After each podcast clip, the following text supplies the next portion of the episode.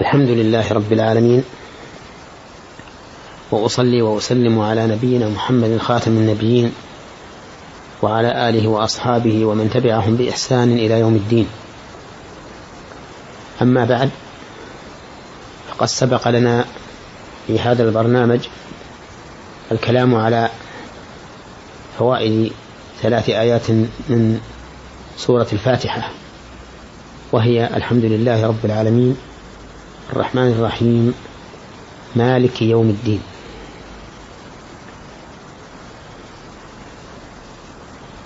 والذي سبق الكلام عليه من الفوائد ليس استيعابا للفوائد. فإن كلام الله عز وجل لا يستطيع الواحد من الناس أن يستوعب فوائده. ولكن يقول الإنسان ما يستطيع الوصول إليه. في الآية الثالثة مالك يوم الدين فوائد عديدة سبق الكلام عليها. وفيها أيضا دليل على كمال حكمة الله سبحانه وتعالى حيث جعل لهذا الخلق مآلا يدانون فيه ويجازون بأمالهم لأنه لولا ذلك لكان الأمر عبثا كما سبقت الإشارة إليه. وفي قوله مالك يوم الدين إشارة إلى كمال العدل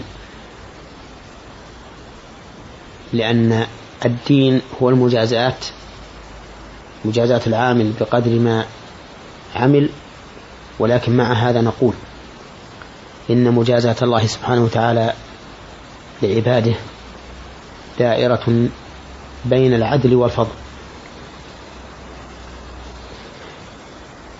فهي بالنسبة إلى الكافر عدل محض ليس فيه ظلم. الكافر عقوبته الخلود في النار أبد الآبدين لا يخرج منها أبدا ولا تفنى النار التي يعذب فيها أبدا. لقول الله تعالى في ثلاث آيات من القرآن خالدين فيها أبدا. فالآية الأولى في سورة النساء إن الذين كفروا وظلموا لم يكن الله ليغفر لهم ولا ليهديهم طريقا إلا طريق جهنم خالدين فيها أبدا وكان ذلك على الله يسيرا. وتعبيد الخلود يدل على تعبيد المكان الذي فيه الخلود. وفي الآية الثانية قال الله تعالى في سورة الأحزاب إن الله لعن الكافرين وأعد لهم سعيرا خالدين فيها أبدا لا يجدون وليا ولا نصيرا. وفي الآية الثالثة قال الله تعالى في سورة الجن ومن يعص الله ورسوله فإن له نار جهنم خالدين فيها أبدا. ولا قول لأحد بعد أن صرح الله عز وجل بتأبيد الخلود في نار جهنم لا قول لأحد بعد ذلك وكل قول يخالف هذا فهو مردود على قائله لأن القائل بالتأبيد هو العالم بما سيكون وهو الخالق عز وجل. فمجازاة الله الكافر بالخلود في النار أبد الآبدين هو عدل وليس فيه ظلم. قد يقول قائل إنك إذا قست مدة بقاء الإنسان في الحياة الدنيا لم يكن شيئا بالنسبة إلى التعبيد الأبدي فيكون تعذيبه على أكثر من بقائه في الدنيا شيئا من الظلم. والجواب على هذا أن لا ظلم في ذلك. أولا لأن الإنسان استغرق جميع حياته في الكفر. فيكون من العدل أن يستغرق جميع بقائه في الآخرة بالعذاب.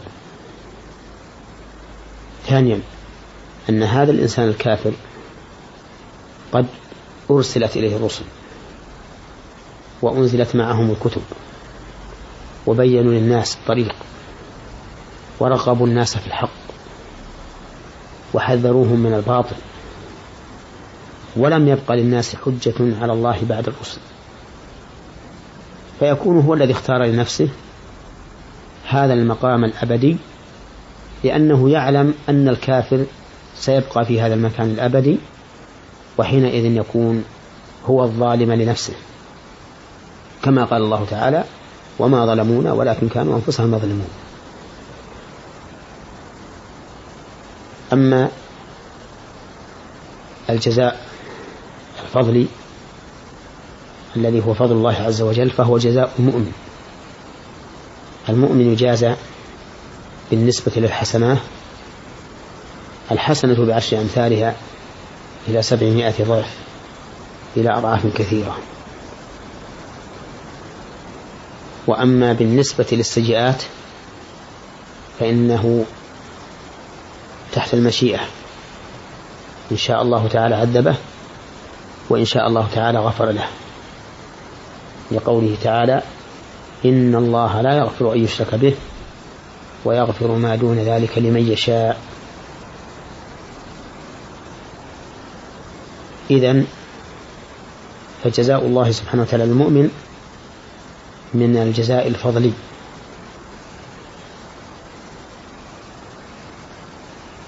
وأما الظلم فهو منتفي بحق الله عز وجل. لا يمكن أن يظلم أحدا فيزيد في سيئاته أو ينقص من حسناته. ثم قال الله عز وجل إياك نعبد وإياك نستعين. العبادة هي التذلل لله عز وجل محبة وتعظيما بامتثال أمره واجتناب نهيه. والاستعانة طلب العون. والإنسان مفتقر إلى الله عز وجل في العبادة والاستعانة. أما افتقاره إليه في العبادة فلأن العبادة هي مادة سعادته. وأما الاستعانة فلأن الله إذا لم يعن وكله إلى نفسه فيكله إلى ضعف وعجز وعورة. ولا قيام للإنسان إلا بالله عز وجل. ففي قوله إياك نعبد إخلاص العبادة لله عز وجل. ووجه ذلك تقديم المعمول. إياك. ولو جاءت على الترتيب لقال نعبدك. فلما قدم المعمول دل ذلك على الإخلاص وتخصيص العبادة بالله وحده. لأن من القواعد المقررة في اللغة العربية أن تقديم المعمول يفيد الحصر أي الاختصاص. فيكون قوله إياك نعبد متضمنا لمعنى قول الإنسان لا إله إلا الله. وفي قوله إياك نعبد دليل على اتباع الشريعة شريعة الرسل عليهم الصلاة والسلام. لأن العبادة لا تتم إلا بأمرين. الإخلاص لله والموافقة لشريعة الله وذلك باتباع الرسل. ولهذا نقول لا إشراك ولا ابتداع. فالإشراك ينافي الإخلاص والابتداع ينافي الاتباع. فعبادة لله تعالى إخلاص واتباع لا شرك ولا ابتداع. وفي قوله تعالى إياك نعبد دليل على أن العبادة إذا أشرك بها مع الله أحد لم تكن عبادة لله فلا تقبل من العابد. ويؤيد ذلك قوله صلى الله عليه وسلم فيما رواه أبو هريرة رضي الله عنه أن النبي صلى الله عليه وسلم قال قال الله تعالى أنا أغنى الشركاء عن الشرك. من عمل عملا أشرك فيه معي غيري تركته وشركه. وفي قوله وإياك نستعين دليل على إفراد الله تعالى بالاستعانة. ووجهه تقديم المعمول. فإن تقديم المعمول يفيد على ما تقتضيه اللغة العربية الحصر. أي الاختصاص فلا استعانة للإنسان إلا بالله عز وجل. ولا يستطيع الإنسان أن يقوم بشيء إلا بمعونة الله له. وفي قوله وإياك نستعين دليل على أنه ينبغي للإنسان حال العبادة أن يستحضر أنه مستعين بالله سبحانه وتعالى. لتيسر له العبادة. ولتكون عبادة لكونها متبعا فيها الرسول صلى الله عليه وسلم مخلصا لله فيها ولكونه مستعينا بالله عليها. ولهذا نقول ينبغي للعابد أن يستحضر ثلاثة أشياء الإخلاص والمتابعة والاستعانة. فالإخلاص والاستعانة لله وحده والمتابعة لرسول الله صلى الله عليه وسلم ليوصل إلى الله. أما الإخلاص لله فأن يقصد الإنسان بعبادته وجه الله والدار الآخرة وأما الاستعانة فأن يشعر بأن الله هو الذي أعانه على هذا ويسر له أسباب القيام به ولولا أنه أعانه ما, ما حصل. وأما المتابعة فيستحضر كأنما رسول الله صلى الله عليه وسلم أمامه وهو خلفه مقتديا به.